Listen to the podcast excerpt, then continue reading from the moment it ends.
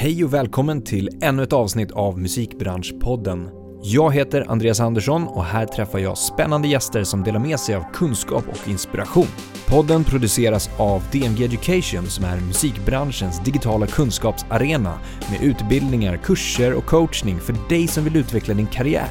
I dagens avsnitt träffar jag Natasha Mariana som är en del av trion bakom Ladies Love, ett kreativt kollektiv som tidigare hette Ladies Love Hip Hop.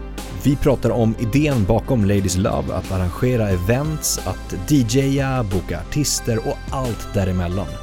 Något vi även pratar om är att ge nya och intressanta talanger chansen att spela live, vilket Ladies Love gör genom den nya festivalen Simefest som arrangeras för första gången nu under våren 2023. Här är fokus på musiken och kulturen, men samtidigt som de vill ta fram initiativ som bidrar till en mer jämställd livescen. Vi kommer även in på lärdomar och motgångar under åren som de har drivit Ladies Love och hur de har tacklat de här samt motiverat sig till att fortsätta mot den stora visionen. Det här och såklart mycket mer. Välkommen till Musikbranschpodden, Natasha Mariana. Hej, tack så mycket. Superkul att ha dig här. Ja, det är jättekul att vara här också. Men det skulle sitta en till person här bredvid, eller person. Åh. Det kanske är person i i ditt... En liten gris, blandat med säl, blandat med eh, bäver och fladdermus, någonting sånt. Just det. Som blir en hund. Som blir en hund. Ja. Så det var ju det det var. ja, ja, mm, ja, men precis. Eh, Det hade ju blivit jättetrevlig stämning då också. Mm, Eh, Men jag tror vi får klara oss utan honom. ja, den här Ja. gången. Nej men jättekul att ha dig här. För den som inte vet vem du är, om Mm. du träffar någon, Mm. hur presenterar du dig då? Kring vad du gör för någonting? Ja, och jag tycker ju det är lite jobbigt. För Ja. att jag kan liksom inte säga den här äh, jätteschyssta meningen. Eh, Men försöker fila på den. Men jag skulle säga att jag är en DJ. Som också arrangerar eh, events och kulturupplevelser. Eh, Men jag är också manager. Just det. Ja. Ja. Olika roller och olika projekt och du jobbar med massa olika saker. Mm. Eh, kombiner, alltså särskiljer du det personligt och professionellt eller flyter ihop? Jag identifierar mig väldigt mycket med Ladies Love. Ja, Typ så exakt. skulle jag kunna säga. Men ehm, specifikt eh, ident- det är liksom när jag går på stan så tänker inte jag att jag är en DJ på stan. Nej, Alltså ibland kan jag komma på att jag faktiskt är det. Det, det blir så att man liksom kommer på vem man är för hur andra säger saker om en. att du typ ser dig själv utifrån sett när någon Ja men typ att någon någonting. typ kanske skulle säga, ja men eh, träffa min vän här, hon är skitgrym DJ, alltså du verkligen måste träffa henne. Typ om någon skulle säga någonting sånt fint. Ja, ja, Då blir det liksom att jag typ har alltså jag vänjer mig inte vid att bara, just det. är Det är så ja. en person ser på mig. Exakt. Men så tänk, och så kan jag ibland tänka, fast jag är ju inte bara en DJ. Jag gör ju så mycket mer. Ja, Och nu blev jag bara en DJ. Ja, ja, det får jag vara. Exakt. Den här gången. Bra tankar. Alltså, jag håller med dig. Jag, man, kan, man är ju så mycket mer än sin yrkesroll. Mm. Även om man bara har en yrkesroll Mm, så är man ju så mycket mer Mm. som person. mm, Man kanske är, eh, inte vet jag, sportintresserad och är, är jag hittar inget bra, skit i det, jag klipper bort det. Eh, Men jag gillar i alla fall liknelsen, eller liksom att man är så pass mycket mer än bara sin yrkesroll. Men i och med det så blir det väl ändå att vara DJ och göra events så flyter det ihop och är mycket kvällstid pratade vi om precis innan Mm. här. Ehm, och att det kanske ändå går ihop i ditt liksom privatliv eller? Ja, men det, alltså, jag jobbar ju med någonting jag brinner för. Ja. Eh, som är min passion. Så det blir väldigt privat och personligt Mm. i slutet av dagen. Eh, och speciellt det vi gör eftersom att det har så mycket med syftesdrivna initiativ och saker som vi personligen verkligen eh, kommer från vår egen taste. Mm. Så det är väldigt personligt och privat. Du kanske använder privat som Mm. ord innan. Samtidigt som det är en yrkesroll. Exakt. Det, it's a combo. Ja. ja, men för jag tänkte på det när vi pratade om just Mm. det här med, med olika saker. Vi ska reda ut lite mer om de olika delarna kanske också. Men vi går in på Ladies Love. Mm, Som är då ett kreativt kollektiv. mm. Ehm, vad innebär det? Vi har ju diskuterat det också i många år. Vad är vi för någonting? Men det har liksom i slutet av dagen alltid landat i att så här, vi är ett kreativt kollektiv just på grund av att vi gör mera än att vi enbart DJar. Ja. Eh, vi är en DJ-trio eh, som har hållit igång sedan 2014. Mm. Eh, Och det började som DJ-trio? mm, vi var fyra Ja. faktiskt och vi alla DJade inte från hela början. Mhm. Linda och Rebecca DJade och jag och Norsin eh, hade andra uppgifter inom eh, att styra upp våra evenemang helt enkelt. Eh, men sen så blev det att vi alla började DJa och sen så slutade Norsin eh, vara en del.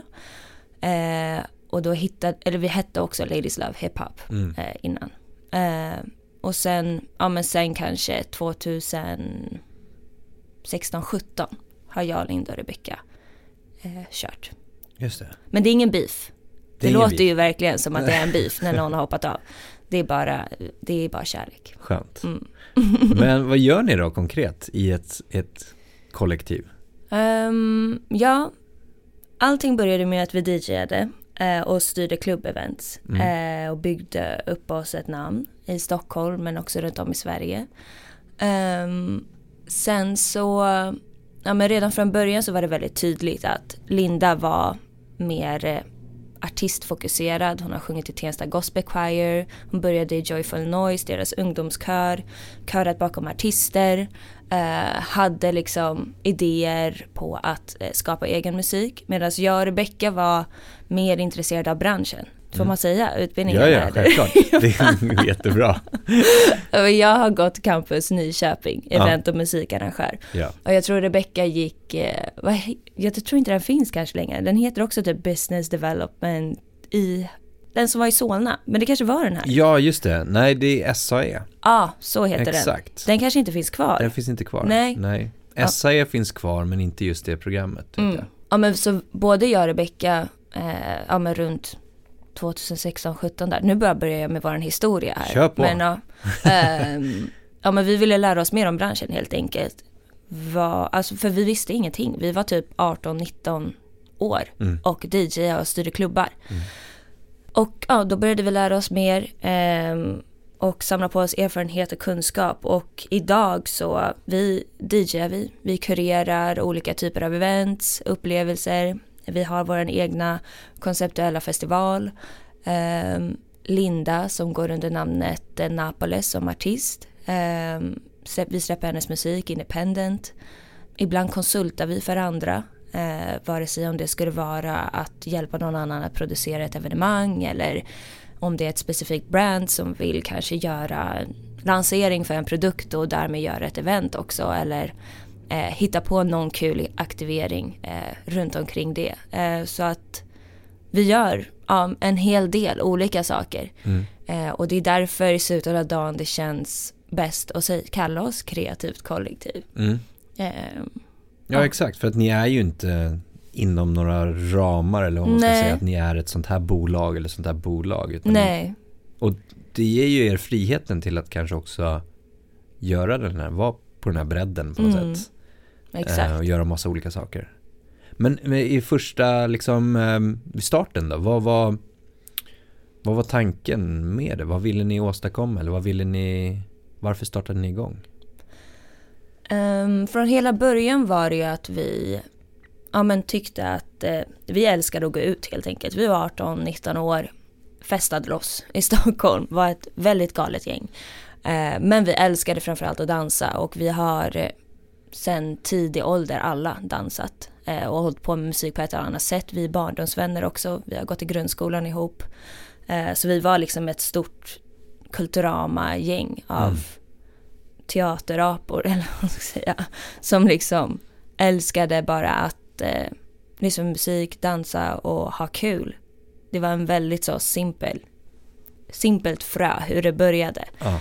Och så tyckte vi inte att det var jätterolig musik ute, eller vi, hade, vi tyckte det var bra men vi kände att det fanns så mycket mer potential att kunna spela en annan typ av musik och eh, ja men tillbaka då så var det ju, det, Stockholm idag är helt annorlunda än vad det var när vi började gå ut. Mm. Eh, kring vad som spelas, eh, det var väldigt så kommersiellt och liksom gamla hits. Mm. inte så himla progressivt i selections av DJs. Eh, så det var väl där det helt enkelt började att, eller önskan om att faktiskt spela en bredare musik och mer ny musik. Och lyfta ny talang. Mm. I, vid starten där då, Mm. var det, hade ni tanken på att ha det som en eh, business längre fram? Alltså göra någonting affärsmässigt av det liksom? Mm. Det fanns från start? Ja. Ja. Jättestora drömmar från start. Alltså verkligen så här uh, unga tjejer som drömde stort och Mm. var liksom, vi ska ta över världen, typ så. Ehm, men framförallt alltid en känsla av att en stark känsla som inte kommer från typ en egoistisk plats utan mera, eller egocentrisk plats utan en känsla av att inte riktigt passa in här i Sverige Mm. och inte riktigt känna att den kulturen och det vi vill göra finns riktigt här och, och liksom känna oss på något sätt alltid lite begränsade till våra idéer. Eh, och att hitta någon slags, ja men eh, hela den här känslan av att passa in och därför vilja ta oss härifrån. Mm. Det var faktiskt väldigt tidigt att vi kände så, vilket vi fortfarande känner än idag. Ehm, Och vad innebär det då? om- Alltså att ta sig härifrån? är det typ- att, att göra det på, på en större skala? Ja men typ bara ta sig till större städer som där det kanske har utvecklingen har kommit längre. Ja. Samtidigt så det är typ som att vi har velat, vi har gjort saker och ting i takt med att saker och ting har också börjat förändras. Som jag nämnde innan att Stockholm idag och vad som spelas idag ute på klubbarna och eh, eventsen och vad för typer av akter som bokas till vissa saker. Det är Mm. mycket mer progressivt än liksom vad det var då. Mm. Men det har varit som att vi har varit lite i före i vår tid att vilja göra vissa grejer och lite för unga och haft lite för lite erfarenhet för att kunna vara också beslutsfattarna eller verkligen de som kan ehm, ha verktygen för att skapa förändringen. Vilket hela tiden ibland liksom har det känts som att då att vi inte rikt, det finns inte riktigt ett rum för oss här. Eller vi passar inte riktigt in. Vi hittar inte riktigt rätt personer som typ fattar vår grej. Som inte är typ rädda för att man heter Ladies Love Hip Hop. Mm. Och tänker oh nej, den där crowden vill inte jag ha Mm. på mitt ställe. Mm. Så det har varit många liksom saker som har gjort så att vi måste liksom på ett eller annat sätt hitta vägarna in. Mm. Hitta rätt person in. Och det har också gjort, tror jag, varför vi har hållit på i jättemånga år. Jag tror att om vi hade befunnit oss på i en annan plats där det var kanske lite mer utvecklat tidigare så hade vi kanske också utvecklats snabbare. Mm. Ja men som att eh, ni lite grann får liksom arbeta både i motvind och i uppförsbacke. Exakt, men samtidigt vill jag understryka tacksamheten för att också vara här. Ja. Jag förstår du? För det är Möjligheterna tvådelat. liksom att- Möjligheterna. Eh, för att det finns otroliga möjligheter. Alltså, Ja. Vi är en väldigt liten stad. Eh, pop- alltså populationsmässigt. Men det finns verkligen feta grejer som händer här. Mm. Eh, vi är liksom i Skandinavien. Mm. Så, här, så mycket som vi kan göra och har gjort här är ändå riktigt fett. Mm. Av att vara en så pass liten marknad. Mm. Men jag tror att önskan om att ta sig härifrån har handlat mer om att vi är på en liten marknad, en liten plats. Mm. Mer så. Ja, jag förstår. Jag tror att många kan förknippa sig med det, alltså oavsett vad man, men säg att man kanske spelar i band eller man är Mm. artist och kanske kommer från en mindre stad Mm. i Sverige också. Mm, Där inte liksom möjligheten finns, det finns ett spelställe eller exakt. en fritidsgård eller liknande. Att, Mm, att komma till nästa steg, alltså Mm. till Stockholm då som kanske är nästa steg eller mm, närmsta storstad eller vad det kan vara. Men som, det som du nämnde så hette ni ju Ladies Love Hip Hop mm, från start. mm, Eh, och har nu egentligen, ja men, tagit bort hiphop bara. mm. Och det är ett aktivt val för att, är det för att bredda liksom eran reach på något sätt? Eller är det för att, Eh, nej men vi, varför vi eh, valde namnet Ladies Love Hip Hop, det kom från en eh, diskussion vi hade då när vi var 18-19 år. Och vi pratade bara om våra kvällar ute med tjejerna. Ja. Och eh, att det var klimatet på eh, klubbarna var väldigt så, alla grabbar i hörnen och tjejerna i mitten känner sig utstirrade, iakttagna, lite obekvämt. Eh, men vi är så pass många tjejer så vi gör bara våran grej och i våran egna värld. Eh, och massa, främst manliga DJs eh, och tråkig hiphopmusik. Mm.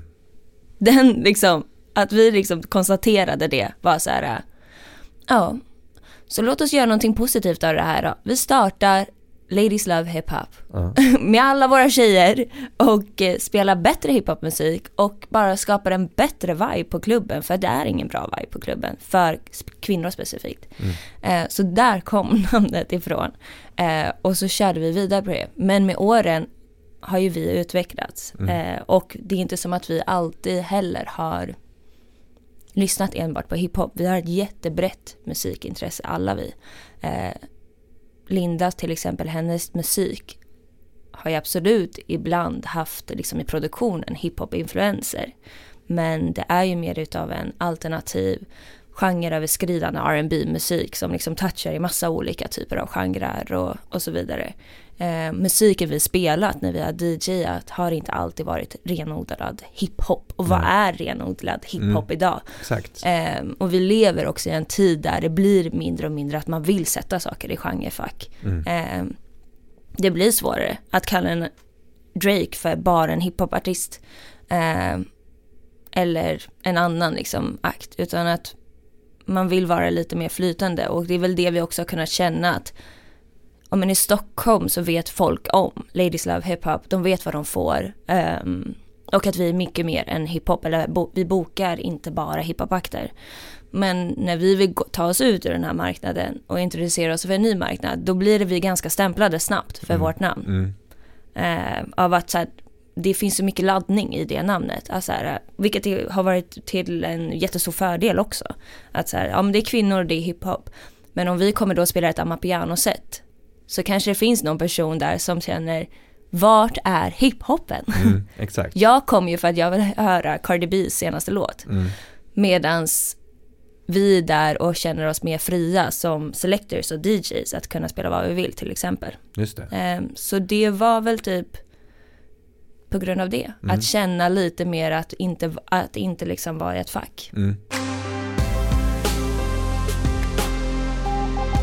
Om vi går tillbaka till det här med som du pratade om, att ni hade ändå visionen om att ha, göra det här till någonting riktigt fett, någonting stort från start. Hur lång tid tog det innan ni liksom kunde se att nu är det en business? I början så um, ganska tidigt så körde vi alla med enskilda firmor. Mm. Ehm, för att vi, ja men, hade ju våra egna DJ-gigs mycket och gjorde andra separata grejer, vilket vi fortfarande gör idag. Men jag tror att det var kanske runt 2018, 19 någonstans där. Som vi mer började ha liksom en tydlig strategi Mm, mm, framåt. Mm. Sen kom ju pandemin. mm, ja, Så det var som att vi gjorde ett ganska bra eh, år 2019 och 2018. Och var bara så här, fan vad kul, det går verkligen framåt. Vi, vi vet vart vi ska, vi vet vart vi vill. Eh, vi vill liksom bygga upp våran konceptuella festival här. Vi vill fortsätta liksom utvecklas som DJs. Linda håller på med sin musik som vi kommer släppa independent. Så vi har tre så här, starka pelare som vi jobbar med. Men sen så har vi ju saker runt omkring som kommer till oss på ett eller annat sätt. mm, Eh, men det var liksom tre tydliga, tydliga liksom fokusområden som vi verkligen ville utveckla. Ehm, och så kom pandemin. så, ehm, och det stannade ju upp en hel del men det har också utvecklat oss alla som individer och team också. mm, Eh, Så det har inte heller bara gjort liksom den här tiden som har varit så konstig för så många har inte heller bara lett till att vi har bara stannat upp och, och bara pausat hela verksamheten och sen fortsatt på där vi var 2019 utan det har ändå gjort så att vi har tänkt om en hel del. Både kring namnet eh, men eh, hur vi jobbar som team, eh, vad vi alla vill individuellt, eh, vad, hur, vad vi tycker är roligt, vad vi inte tycker är roligt, hur- vart vi vill utvecklas. Ehm, men i det här teamet, alltså Mm. av er tre då, har ni olika roller som är liksom Mm. definierade?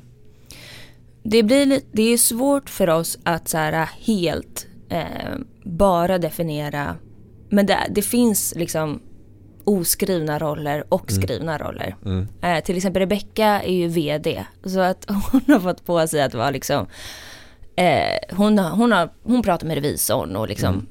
Hon, hon säger vad budgeten är på liksom resekassan och ja, nu har vi spenderat för mycket här eller in mera kvitton och hela Mm. den biten liksom. Det är på henne. Naturligtvis har vi alla ett ansvar där men. Men eh, och sen så eh, just nu så har vi fördelat det lite med att Rebecca tar till exempel hand om live eh, och förfrågningar mer. Mm. Medan jag jobbar mera med Linda när det kommer till ja, men framåt för hennes artistkarriär och planer, finansiering med olika möjligheter kring eh, hur det ska gå framåt. Eh, det är jag och Rebecka som jobbar med vårt festivalkoncept. Mm. Eh, det är inte Linda en del av till exempel. Men hon är väl informerad och liksom en del av det på ett sätt ändå. Mm. Ehm, så, så det är lite olika. Just på grund av att det skedde ändå ett skifte för oss i gruppen där när Linda började eh, fokusera mer på sitt artisteri så blev det väldigt naturligt i att så här, hon, när hon får sin lediga tid så är hon i studion mycket och hon skapar nytt eh, och gör hela den grejen. Mm. I den här, eh, som du sa, alltså från start till liksom, tills att ni började se att ja, men det här är ändå en, en business på något sätt. Mm. Eh, hur, hur motiverade ni er att fortsätta? För det tar ju tid. Mm. Hur, hur motiverade ni er att men det, det kommer gå? Det, det kommer liksom lossna till slut och sen så kommer vi liksom komma över någon slags kulle. Alltså den här motiveringen sker ju fortfarande än idag Ja. kan jag säga. det, är inte, det är ju verkligen tufft att eh, göra sin egna grej och fortsätta och eh, det är ju fortfarande tufft på grund av att nu är vi ju i en finanskris också. Eh, och det märker ju vi av. Eh, Ja, ni gör det? På ja. vilket sätt då? det är absolut inte på samma nivå ehm, när det kommer till alltså förfrågningar eller då tänker jag det, det finns fortfarande ett intresse men det är Mm. liksom det har ju skiftat i branschen där det är att det är väldigt mycket som ska hända samtidigt så att om man kollar på livescenen som säkert andra har pratat om i podden att vissa grejer säljer på skitbra, andra grejer gör inte det och allting ska hända på samma gång Mm. hela den grejen eh, skapar ju lite en mer oförutsägbar liksom, närvaro för en eh, på ett annat sätt än innan. Men också att eh, företag har inte samma typer av arvoden och pengar märker man lite. Nej, Mm. exakt. Drar öronen åt sig lite grann Mm. För att betala elräkningar istället. Ja men typ, eller så här, det har varit kanske lättare att sätta partners för vissa saker innan. Eh, men nu är det inte lika lätt för att partners håller lite mer på budgetar och, Mm, och så mm, vidare. mm. Men hur har ni motiverat er i det då? Hur, ja, de, hur har de utmaningarna? Äh, förlåt, jag svarar aldrig på dina frågor. Jag bara pratar om annat. Ehm, ja, hur har vi motiverat? Har ni liksom hjälpt varandra i det? Har ni känt att ja, men ibland har någon en dipp eller? Ja, men så är det ju. Det är upp och ner hela tiden. Men jag tror att vi har varandra, helt ja, enkelt. exakt, det positiva med att vara en grupp. Ja, exakt. Vi har varandra och att eh, när vi gör våra grejer så har vi väldigt kul och det ger väldigt, väldigt mycket. Så jag tror att eh, det jämnar ut sig. Dipparna och the high and the low bara Mm. blir plus minus noll till slut och så Ja. fortsätter man. Ja. Men, för ja. ibland kan det ju kännas liksom att man har en dipp och man inte riktigt kan återminnas att den där hajen var så nice och vi kunde Mm. rida på den och man kunde bli motiverad att göra nästa grej att Mm, det blev svengelska low and so low alltså Mm. det, det blir så lågt mm, att det är svårt att men är man ett gäng då snarare än att man är solo entreprenör eller att driva ett eget företag så har man ju hjälpen av andra mm. jag kan tänka mig att det är jättepositivt Ja men det är det och jag tror också att vi alla tre som individer är väldigt självmedvetna personer som vill utvecklas. Mm. Både liksom skillsmässigt och psykiskt. Så att vi behöver typ inte, när någon börjar ehm, mår dåligt eller så här, och man märker av det i gruppen. Att så här, oj, den här personen var ganska grumpy idag på mötet Mm. eller så. Eh, det är inte alltid att vi behöver liksom gå så djupt in i så här, varför sa du det här till mig? Eller vad, Nej, nej. Eh, Utan det kan liksom vara så här, oj nu blev det friktion här. Ehm, och sen kanske vi kommer liksom låta det landa. Men nästa gång, för vi ses ju väldigt ofta och vi pratar väldigt ofta. Så jag vet att vi kommer träffas imorgon på den här middagen vi ska till tillsammans. Och då kommer vi kolla på varandra och så kommer vi snacka lite, byta några ord om den grejen. Och så kommer det vara, det kommer vara ganska coolt snabbt. Mm. För att då kommer jag, vi säger om det var jag som var grumpy då. Då kommer jag reflekterat ganska fort för mig själv att så här, ja, jag har en pissvecka av de här, de här, de här anledningarna. Det är dark just nu i min hjärna. Mm. eh, och då kommer jag vara ganska snabb på att säga det. Eh, och säga, ja men sorry, jag eh, behöver bara, jag behöver gå och göra yoga lite mer extra och prioritera träningen och typ eh, ha en dag off imorgon och promenera i skogen med hunden. Eh, Det där var inte bra gjort av mig typ. Mm. Och det har vi blivit bättre på. Eh, när vi var liksom 18-19 år så kunde det verkligen vara så här, jabba, jabba, jabba, jabba. liksom hur länge som helst. Eh, men ja, så att jag tror att det är det eh, som gör så att så här i, att, att vi bara bra individer tror jag. Ni har lärt er att kommunicera. Alltså, Ja. Kraften av kommunikation. Mm, Alltså är jätteviktigt. Att Ja. kunna säga en sån sak att "Men jag har en dålig dag idag. mm, Ehm, inte mer än det.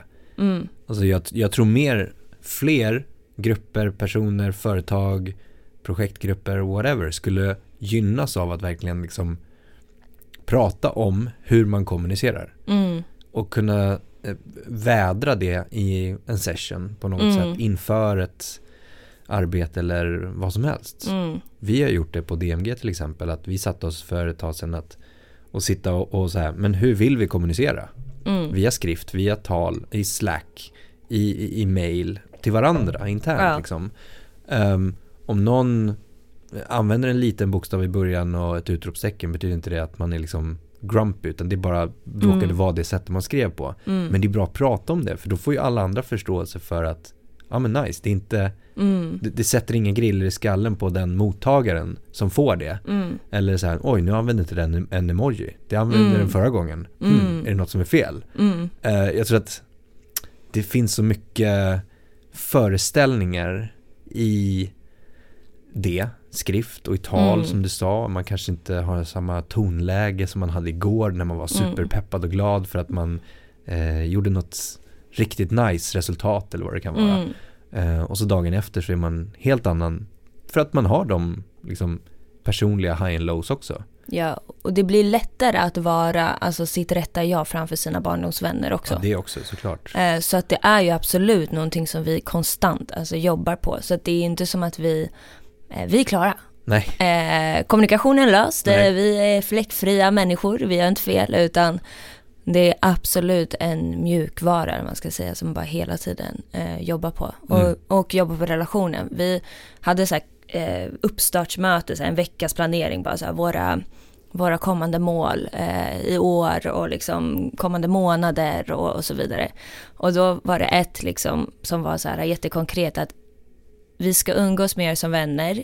Vilket vi, det som är så svårt är att vi gör ju det också. Typ exakt. när vi, när vi DJar så, vi ja, Ja. när vi DJar så brukar vi ofta äta en middag innan och då blir det ju mer som ett vänskapshäng till Mm. exempel.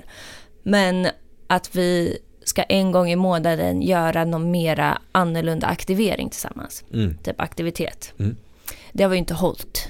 Eh, kon- konstaterade vi när vi hade liksom eh, Uppföljningen av uppföljning av våra satta mål häromdagen. Eh, så att, ja. Men vi ska göra massa roliga grejer nu i vår tillsammans där det liksom blir en kombination av jobb och eh, privat Mm. häng. Smart. Så, eh, Men när ni sätter de där målen då? mm. Då gjorde ni det i början på året nu, 2023? Ja. Ja. Hur, hur går ni tillväga då? Måla upp en bild, Mm. sätter ni er och bara brainstormar eller? Men nu, de, den här gången var det, vi har, eh, det var en vän till mig som faktiskt skickade någon så här eh, kompass. Ja. Som är en kompass över hela ditt tidigare år. Så det har vi gjort nu två år i rad. Att vi alla liksom skriver en kompass Och då är det massa olika frågor om typ så här, vad, vad gick bra förra året och vad var dina mål? Och det, liksom, det är fyra timmar man måste sitta och göra det här privat. Så först startar vi upp och göra den här kompassen då. Mm. Så löser vi alla upp vår kompass för varandra. Vilket är väldigt fint för att vi brukar också gå in på typ just som vi pratade om från början, det hänger ihop så mycket det vi gör, privat och yrkesmässigt. Det går mm. lite hand i hand. Eh, och då brukar vi få en ganska bra liksom, grundförståelse och i den här kompassen så tar man också upp liksom, vad som är viktigt för en själv framåt. Mm. Och jag tror att det är det som alltid har varit viktigt för oss också, att så här, vi är en grupp som gör saker tillsammans, men vi alla ska också utvecklas individuellt i den här gruppen och känna att vi växer. Ja. Och den grejen, ja, med den här kompassen så är det en, ganska så här, snabbt så identifierar man det. Mm. Eh, när vi har gjort det så har vi, vi skulle egentligen ses men vi var lite sjuka så det var digitalt fler, några dagar i rad. Och så skriver vi upp, ja men helt enkelt typ så här, ja men det här är, vi vill eh, göra så här många events eller det här är, det här är ambitionen med DJ-gigs, hur många vi ska få, hur ska vi nå dit, mm. typ. Mm. Det har vi börjat bli bättre på. Så här, vad ska vi göra för att det här ska gå bättre? I den här, vi kan inte bara skriva ner på ett papper, så här, jag vill ha med DJ-gigs. Exakt. Utan det måste liksom, vi måste identifiera vägarna framåt till det också. Ja, uh, ja men ungefär så. Det är ju väldigt strukturerat. Ja, och sen så, vi försöker liksom. Ja. Sen, men vi, vi checkade faktiskt av den listan mm. eh, häromdagen, för vi gjorde så tre månader och tag, i taget och nu skulle, gjorde vi tre månader till. Mm. Och sen för hela året. Men, eh, och vi hade ändå betat av det mesta. Snyggt. Mm. Men jag tror på det att sätta upp det, men inte inte, alltså man ska sträva efter 100% mm. liksom att, att nå, men jag tror man verkligen ska vara nöjd att nå 80. Ja, 100%. Eh, så att man inte blir för liksom perfektionist i det. Och säger att så här, fan vi nådde inte det, ah skit också, vad dåliga vi är. Utan mer motiveras mm. av att schysst, vi nådde 80% av alla våra mål. Mm. Eller 50 eller 60 eller vad ja. det nu kan vara. Liksom. Um, och sen se förbättringspunkter. Att, mm. ja, men, nästa gång ska ni verkligen boka in de där Eh, personliga dagarna till ja, exempel. Ja, just det, det var ju det vi inte hade gjort. Ja. vad, vad, vad, kan du göra där då? Det kan vara vad som helst. Mm, jag tror att eh, Linda pratade om att hon ville ha någon dag i Hellasgården typ. Att så här kallbada och basta. Mm. Men sen började hon lite halvt mobba mig att jag aldrig hoppar in i vattnet. Så att jag vet inte om vi kommer göra det eller inte. Men jag sa, jag kan följa med, jag kan sitta i bastun. Jag behöver liksom inte, ni behöver inte tvinga mig att hoppa i det där gråa badet liksom. Nej i den här, det låter ju som att ni har kommit väldigt långt som grupp liksom. Mm. Och, och, ni driver någonting av, av ändå glädje till, till musiken. Men också någon slags vision om att nå någonting större. Mm. Alltså att ni vill, vill ta det här ännu längre på något mm. sätt. Och det är fortfarande den glöden som ni har eller? Alltså mm. just att lyfta det till andra städer, andra marknader absolut. Men också skapa en förändring på hemmaplan. Mm. För det är inte heller som att vi bara vill härifrån och eh, skita i Sverige. Utan vi, som jag sa innan, jag vill ändå poängtera att vi är så tacksamma av att alla möjligheter vi har fått här och all, allting som har kommit till oss och personer i vårt nätverk som har gett oss möjligheter eller hjälpt oss på vägen och så vidare. Så att eh, vi har liksom en väldigt stor ambition om att ge tillbaka. Eh, till exempel som eh, Rebecca och jag har ju haft en eh, arrangörskurs tillsammans med Changers Hub eh, som vi vill fortsätta med också för att lära. Det finns så många som vi ser oss själva i mm. eh, idag som, som eh, DJar eller driver klubbevents eller gör olika initiativ och det bara bubblar om så många liksom, kreativa initiativ av unga människor som verkligen är hungriga. Så att, att, vara, att på, på något sätt ge tillbaka till de personerna som där vi också kände när vi var 18-19 år så hade vi inte någon som vi kunde prata som vi kunde prata med eller som hade gjort våra, som vi kunde identifiera oss med. Det fanns Nej. inte riktigt helt. Eh, men om vi kan hjälpa andra så är det bara en win-win för alla för det kommer göra så att hela staden utvecklas. Mm. Eh, så det samtidigt som vi vill liksom, ja, men nå ut och ut, eh, bygga vårt brand mer internationellt, både när det gäller Ladies Love men också Napoles och eh, skapa en förändring på hemmaplan helt enkelt av att starta nya initiativ, nytänkande events, eh, samarbeta mer med personer som är likasinnade men också ge tillbaka. Mm. mm. Men det här skapa förändring, det är ju Mm. superbra. Men det kan också vara, mm, det behövs ju mycket, jag kan tänka mig att det kan kännas mycket att ta sig an. Mm. Att, 100%. att liksom, det är ju inte ert ansvar Nej. På det sättet. men, men går man in i något med liksom full steam ahead Mm. så kan det ju fortfarande vara att man kanske, jag vet inte, känner att så här, kommer det räcka? Förstår du vad jag menar? Att, att så här, kommer, det, kommer våra initiativ, kommer våran ork räcka? Kommer våra initiativ räcka? Kommer det vara good enough? Men det måste ju göras såklart. Men det måste ju till fler Nej men jag fattar vad du menar för det räcker inte att det alltså att vi har bockat av att så här, ja men här finns det några kvinnor som, som eh, tänker lite extra på jämställdheten här och så nu har vi bockat av det. Det finns ju redan i våran stad. Liksom, Det är inte så. Eller typ, ja men nu vi på det här företaget, nu tar vi in den här jämställdhetsorganisationer jämställdhetsorganisationen som ska berätta för oss eller som ska berätta för oss om representation och att vi liksom, vårat företag inte alls är representerat utifrån hur det ser ut i samhället. Det räcker inte bara med den här workshopen och så har man bockat av det utan det är så här det krävs ju jättemånga initiativ och flera människor som hoppar på det. Eh, och det var ju därför också vi anslöt oss till Live Nation och Luger för vår festivalsatsning. För vi kände att vi vill ha större muskler för att, för att vi har bra idéer vi, och kommer med en bra kraft och har byggt upp eh, ett, liksom, ett varumärke. Men vi kan inte heller göra allt själva. Och vi är ett litet team. Eh, så det var då vi hojtade på dem för att kunna göra det större eller få mer muskler och så vidare. Och det är ju bra Verkligen. att de ser liksom en möjlighet i det och att varför det är viktigt. Mm. Men det som du säger, det är inte heller att man kan inte heller tänka att man ska göra all förändring själv för att som du var lite inne på, det är lätt att bränna ut sig. Och det är någonting vi har sett också i vårt nätverk eller folk runt omkring oss har liksom gjort otroliga initiativ för en förändring eller för att eh, upplysa orättvisor i samhället. Eh, men det är tufft Mm. att liksom konstant bara jobba så. Det vi har försökt mer göra är att hur kan vi bidra till en positiv förändring? Mm. Av att jag och Rebecka till exempel eh, har en eh, DJ-kurs för några.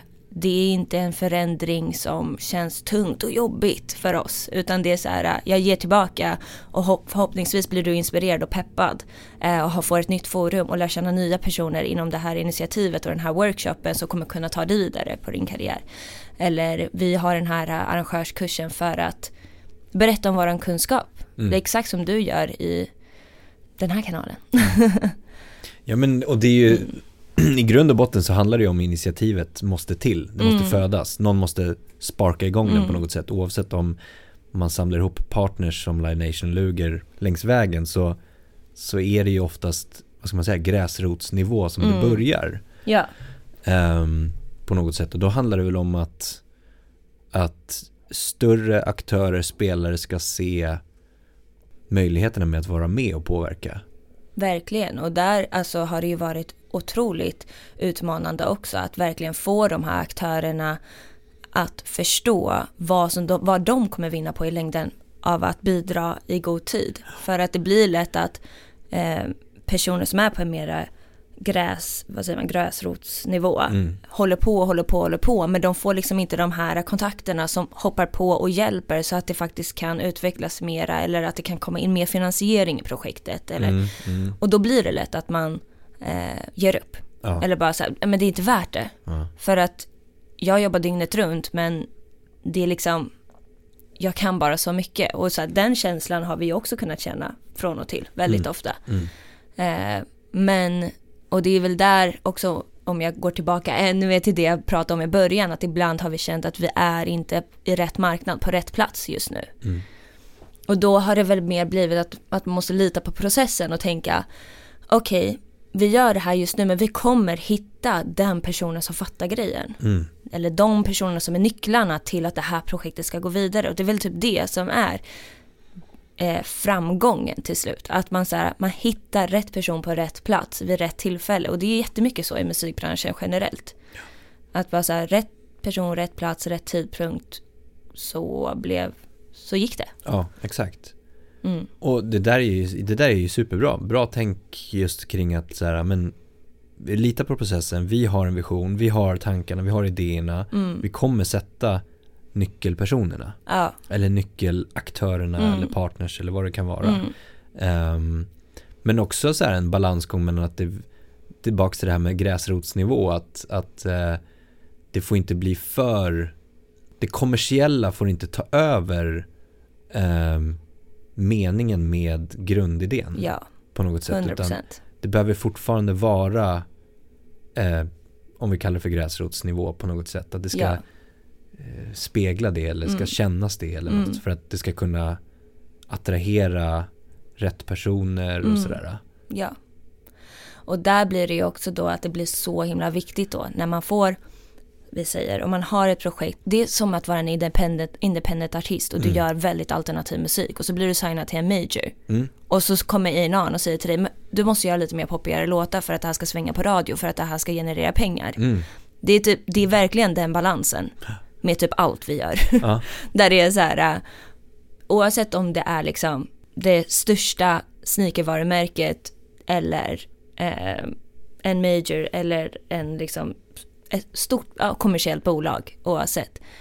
Om de går in och jobbar med oss så måste de också respektera att om de går in och petar för mycket på ehm, ja men för att vi ska kunna ge de här pengarna och eh, det här och det här och här så måste vi se de här siffrorna och hela tiden tänka på siffrorna. Då är inte vi 100% rätt i alla lägen. Men om de är redo på att investera från början för att kunna bygga upp. Vi- ser sådana här initiativ, det är där, återigen vi ser de här initiativen i andra marknader som är större. Att det funkar Mm. med eh, mera nischade alternativa saker. Men det är för att vi också är i en liten marknad som ibland det kan bli ännu mer påtryck kring att det måste gå lite mer lagom. Ja. Det måste vara lite mer lagom för att det här ska generera bättre siffror. Eller Liksom, det är lite för liksom, alternativa, coola personer här just nu. Eller liksom för, för liksom, det är svårt att förstå, eller förstå. Mm. Mm. Så att det är, eh, Ja, Det är en den. balans. Ja. Det, där, det måste ju vara jättesvårt att, och, som du säger just att jag ser det framför mig att just till exempel ett event. mm, Liksom att nej nu är det för smalt. Ja, men exakt. En kund. säg kund då, finansiär eller vad, whatever. Ehm, för att kunna attrahera liksom en, en bred massa Ja, i, av publik och kunna sälja biljetter, tjäna pengar ja, och så vidare. exakt. Och då Ehm. måste man bara, men okej, vi gör ju inte det här som en engångsgrej. Nej. Utan vi gör ju det här för att på sikt så ska vi kunna liksom sälja det här utan att ens gå ut med en lineup. Till Exakt. exempel. Ja, För att det ska vara så pass trovärdigt. Men om vi börjar, va- alltså, om vi börjar strunta i våran trovärdighet och sluta kurera utifrån trovärdighet eller vi slutar bjuda in de personer som faktiskt representerar Precis. musiken utan Mm. så här Ja men till exempel det var ett tillfälle för många år sedan när vi blev, var lite mer nya på att eh, jobba med brands. Där Mm. det var en kund som sa Ja men vi vill att ni gör, ni gör ett event för det här varumärket. Eh, och ni ska bjuda in personer från ert community. Eh, och så gör vi ett asnice event. Ni får bestämma exakt vad ni vill göra på det här eventet. Och vi bestämmer hur vi vill göra det. Eh, och ger hela listan på människor. Där de kommer tillbaka och säger vi behöver större profiler. ja, Och då blir det, och så ger oss några namn. Där vi direkt var så här, men de har aldrig gått på våra event. mm. Det blir inte trovärdigt Nej. om, om vi ska bjuda de här personerna för att eran kund tycker att de här profilerna är intressanta. nej. Men vi är ju också en jätteviktig person i det här, eller varumärke i det här. Så att det måste ju också gå i hand i hand med oss. Ja, alltså trovärdigheten. Mm. För att vattnas den ur på något sätt så finns det ju inget initiativ kvar. Mm. Eller då är det ju liksom förändringen kommer inte skapas för då, går, då kommer det liksom sakta men säkert skjutas tillbaka Mm. till den breda massan eller vad man ska nu säga. Exakt. Ehm, Så det är en balans Verkligen. med allt, varje gång. men superviktigt att, att liksom fort, fortfarande det ni gör är ju fantastiskt bra. Tack.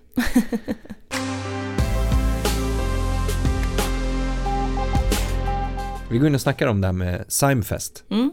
som är er första eh, festivalkoncept Mm. som kommer ske nu under våren 2023. Yes. Berätta. Ja, men eh, med Saim, Saim, ordet Saim eh, kan vi börja med. Det kommer från ett botaniskt ord som vi har bara rakt av tagit. Eh, och det Saim, en saim är hur en växt växer helt enkelt. Så att en skälke kommer och så kommer en ny skälke och sen en ny och en ny och en ny. Um, och vi tyckte att just ordet saim passade det vi vill göra. För att vi skapar någonting för att det ska växa. Mm. Och allt vi har pratat om. Eh, men också att vi vill boka talang eh, som är framåtsträvande, som är unik, eh, som är liksom i framkant. Både när det gäller eh, artister och DJs och andra typer av talanger som kanske är jätte up and coming. Men också på väg att breaka på ett väldigt stort mm. plan. Mm, mm. Um, men in, tanken är inte att det ska bli liksom nästa största festival i världen. Nej. Utan att det fortfarande ska vara på en mera up and coming mellanaktnivå. Uh, just på grund av att vi känner att det fattas lite. Just den typen av nivå av initiativ. Det finns väldigt många liksom kommersiella stora festivaler som just eh, bokar väldigt mycket för det vi var inne på innan. Alltså, nu måste vi sälja de här biljetterna. Eh, och att det, eh, vilket man fattar helt. Det, det, är ingen, det är inte som att jag eller att vi sätter någon shade på att folk vill tjäna pengar. Men, eh, men det vi vill med SIME helt enkelt är att ja, men, främja ny talang, främja kvinnor eh, bidra till en mer jämställd musikscen. Eh, inspirera och ja, men skapa helt enkelt ett initiativ och koncept och plats där personer som verkligen tycker om den här musiken känner sig som hemma. Men det är ju första liksom, lite större evenemanget som ni har då, eller det är ju en festival, det är en endagars festival. Ja men det blir som en klubb edition. Mm. Um, vi gör på Trädgården den 31 mm. maj. Så den är från klockan fem på dagen till tre på natten. Eh, och just nu så har vi gått ut med sex olika akter.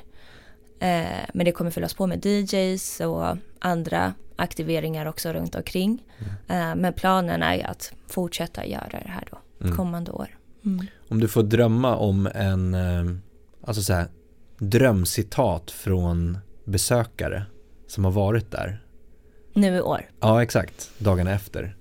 Vad, vad, vad vill du att man ska säga om det som besökare? Bara positiva saker så Nej men jag vet inte, det var, vad ska man säga? Bara det var en fantastisk dag och natt. jag vet inte. jag fattar. Nej men Ingenting negativt hoppas jag. Att det var en trygg plats eh, som var väldigt inspirerande, kul, upptäckte ny musik, eh, kände mig hemma. Jag längtar redan efter nästa. Ja, exakt. Ah, ah. Och då ska jag ringa alla. Exakt. Fetaste eventet hittills. Exakt. För det här, ni hade en idé om, eller ni hade, ni, ni var ju på banan att göra det här i princip under hösten, eller sensommaren 2022. Mm. Ladies Love Hip Hop Festival. Yes. Eller hur? Mm. Men som ni sköt fram mm. till det här då. Ja men exakt, det blev eh, lite så. Det blev att vi, ja men, eh, lanserade Ladies Love Hip Hop Festival eh, tillsammans med Live Nation och Luger. Eh, och det blev inte av, vi sköt fram den. Och under den här tiden så bytte vi namn mm. och eh, pratade och därmed också bytte namn på hela festivalinitiativet. Mm. Och kom på Sign. Men att så här, hur hanterade ni, jag tänker både så här känslomässiga och det praktiska med att skjuta fram? Mm. Jag tänker att mm, ni hade säkert ställt in er på att ja, men nu kör vi, fan vad fett. Uh, och sen, nej men vi får skjuta fram det. Att det känns som ett misslyckande eller kändes det mer som en, nu kan vi ta nya tag och göra det ännu fetare? Vad fick ni för känslor? Det är såklart att alla de där känslorna kommer till en. Men eh, man måste liksom gå vidare ganska mm. snabbt och bara köra. Mm. Eh, det är en, alltså, oavsett om det är en pandemi eller finanskris eller inte. Musikbranschen och livebranschen är, eh, den är tuff. Och eh, det är mycket ups and downs. Men bara för att du är med om några downs några gånger eller att de händer, det betyder inte att det är över. Nej. Utan det är bara hitta, göra bättre och göra det bästa man kan. Och det var inte som att vi inte gjorde det bästa vi kunde för en, utan av olika omständigheter som vi inte kunde styra över helt så gick det inte eh, den här gången. Men eh, man får bara köra på, Mm. samla kraft. Ja, för det är lätt, oavsett om det är, handlar om det eller någonting Mm. annat som inte gick i lås, så, så är det ju lätt att bli besviken och Mm. liksom känna att shit, det här är the end of the world eller Ja, nu har vi verkligen, vad fan hände? mm, Men ett halvår senare kommer det vara glömt. exakt. Alltså, och, och den insikten som du beskrev precis nu, att här, det är bara det är bara ner med huvudet igen och köra på. Mm, Ehm, det kommer lösa sig och ni hade en plan på att skjuta fram det istället. mm, Ja, men hur skulle du säga, du, du har ju den liksom breda erfarenheten av att skapa events Mm. som ni har gjort och det här blir liksom en, en endagarsfestival, klubbkoncept. Men vad, hur skulle du säga att man ska förbereda sig om man ska skapa ett rätt så stort event som till exempel arrangör? mm. Va- Vart, vart börjar man någonstans? Koncept och idé kanske. Koncept, idé och mål. Mm. och i god tid. Jättebra med jättelång framförhållning. Vilket är ja, så roligt att man säger för så, så jobbar man med världens eh, kortaste deadlines ändå. Eh, olika omständigheter. Men eh, eh, ja, det är bra att ha framförhållning, speciellt om du är ny. Ja. För att, att bara boka en venue kan ta jättelång tid. Mm.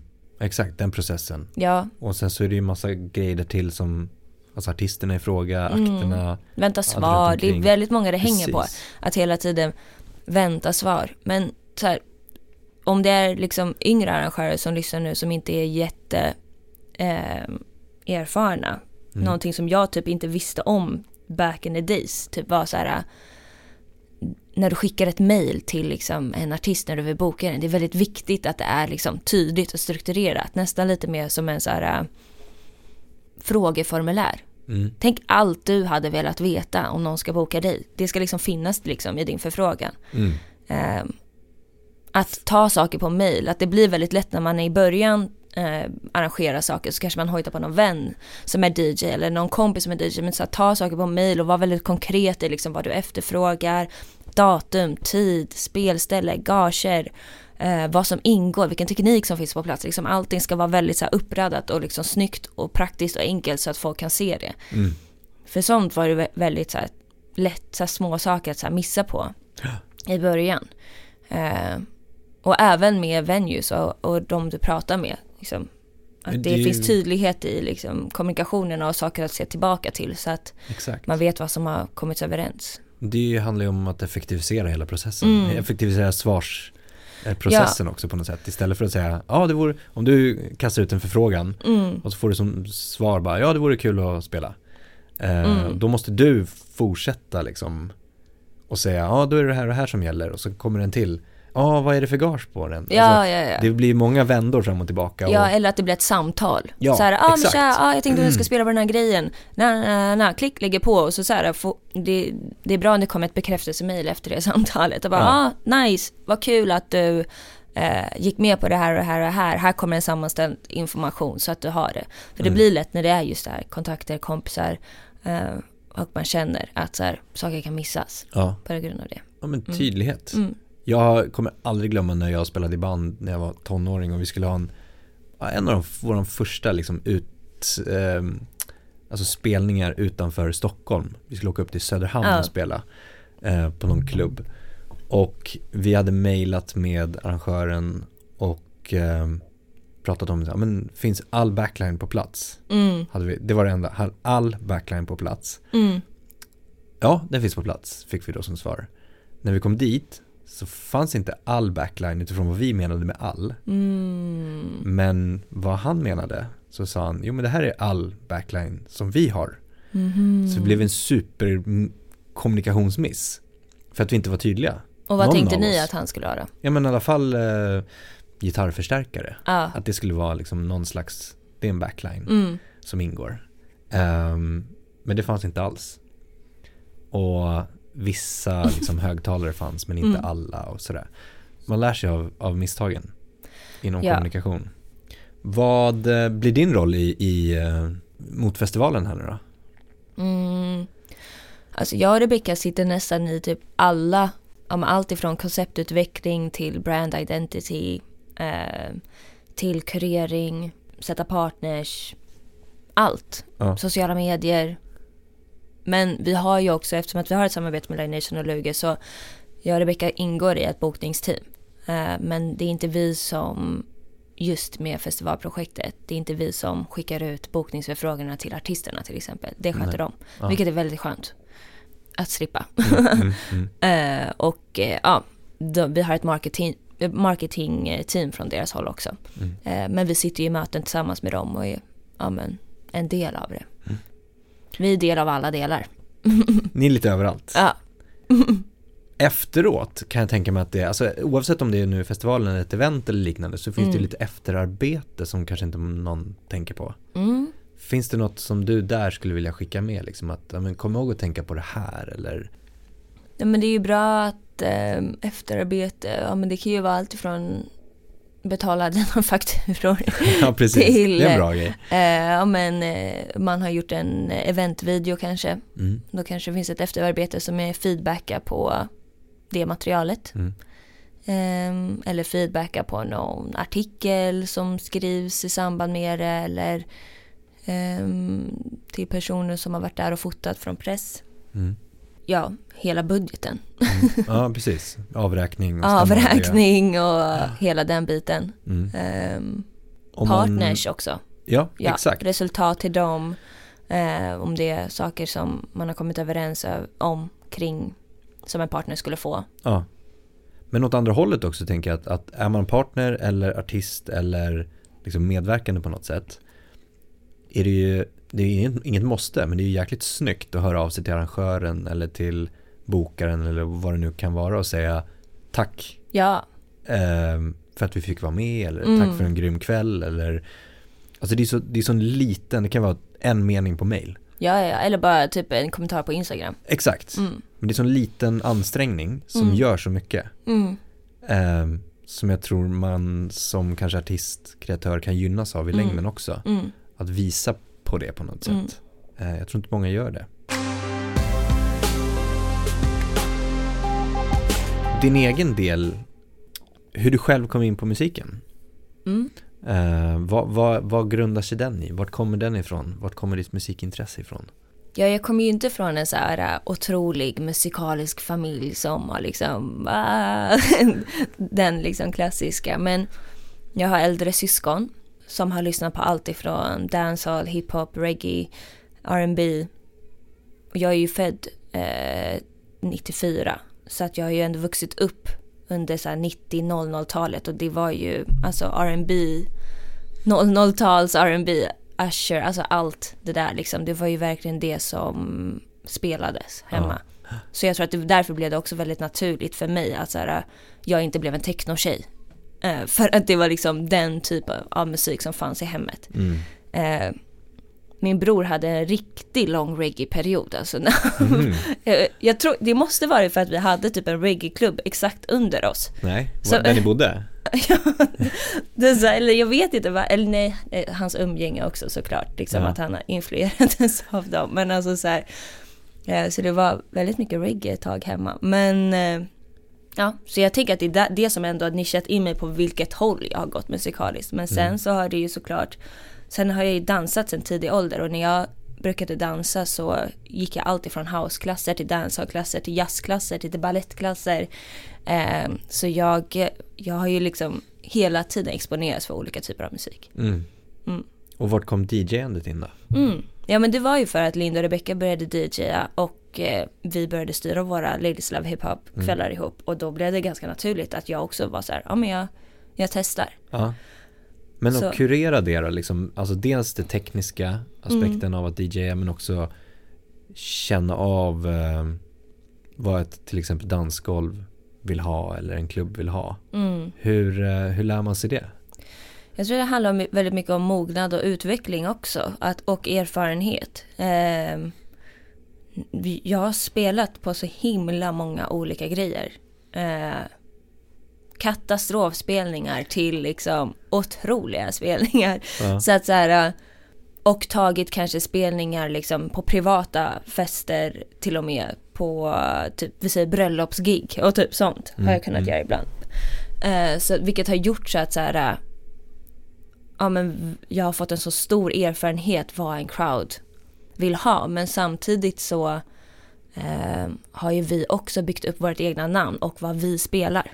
Just det. Så ni har Eh. ändå brandat Ja, setlisten lite grann utifrån vilka ni är. Eller Ja. vad ni vill representera. Ja. exakt. Så att det har ju också skapat så att det ändå blir en mera, när jag ställer mig i ett rum och börjar DJa, såklart att jag vill kunna anpassa mig och se om jag ser att vissa saker går hem mer, att jag kanske kommer tweaka till saker och ting och kanske strunta i att gå över till den här moden som jag hade planerat och fortsätta på den här moden för att det här går hem just nu och de älskar verkligen det här. Mm. Men det är en balans mellan att så här, eh, vara en crowd pleaser och ha integritet i Exakt. vad man väljer. Ja. Och hur stor, hur stor del av liksom sättet har du planerat innan i olika sammanhang och hur, hur stor del tar du in utifrån liksom miljön och känslan? När jag, Rebecca och Linda spelar tillsammans då brukar det oftast vara att vi kanske har en settid på cirka två timmar till Mm. tre. Och då brukar det oftast vara typ att vi checkar in med varandra. Är någon inne på en specifik mode som den känner för just nu? Om, om någon av oss är det så brukar det vara att den kanske tar lead och bara så här, ah, jag har verkligen eh, hittat så här jättenya, jättenajsa eh, låtar som passar lite mer för början av kvällen. Så jag vill ta första passet för Mm. att jag har en så inspiration kring den här delen. Och då kanske det blir väldigt naturligt att den personen tar det. Ehm, men sen i vissa fall så är det eftersom att vi har spelat så länge tillsammans så planerar vi inte alls lika mycket. Det beror på liksom vad det är för typ av gig. Om det är ett jättestort gig som är väldigt liksom viktigt. Att det är att så varje grej sitter perfekt. Ja, ja, Så kan det vara mer planering. just det. Kommer ni spela på festivalen? Det kommer vi. Är ni main act? Nej, inte riktigt. Men eh, när vi DJar, när, när liksom alla artisterna är klara, då DJar vi. När partyt sätter igång Ja. på riktigt? Ja. ja, men grymt. Du Natasha, jättestort tack för ett trevligt samtal. Detsamma. Lycka till på festivalen. Tack så mycket. Jättestort tack för att du har lyssnat på podden idag. Det uppskattas verkligen. Kom ihåg att följa, stjärnmarkera, gilla, dela, kommentera för att hjälpa till att sprida kunskapen i musikbranschen. Vi vill också jättegärna höra från dig. Vilka utmaningar står du inför? Vad tycker du är svårt? Vad tycker du är lätt? Vad vill du höra? Vad vill du veta? Vad vill du lära dig? Hör av dig till oss på info at dmgeducation.se. Tack för idag och ha en fortsatt härlig dag.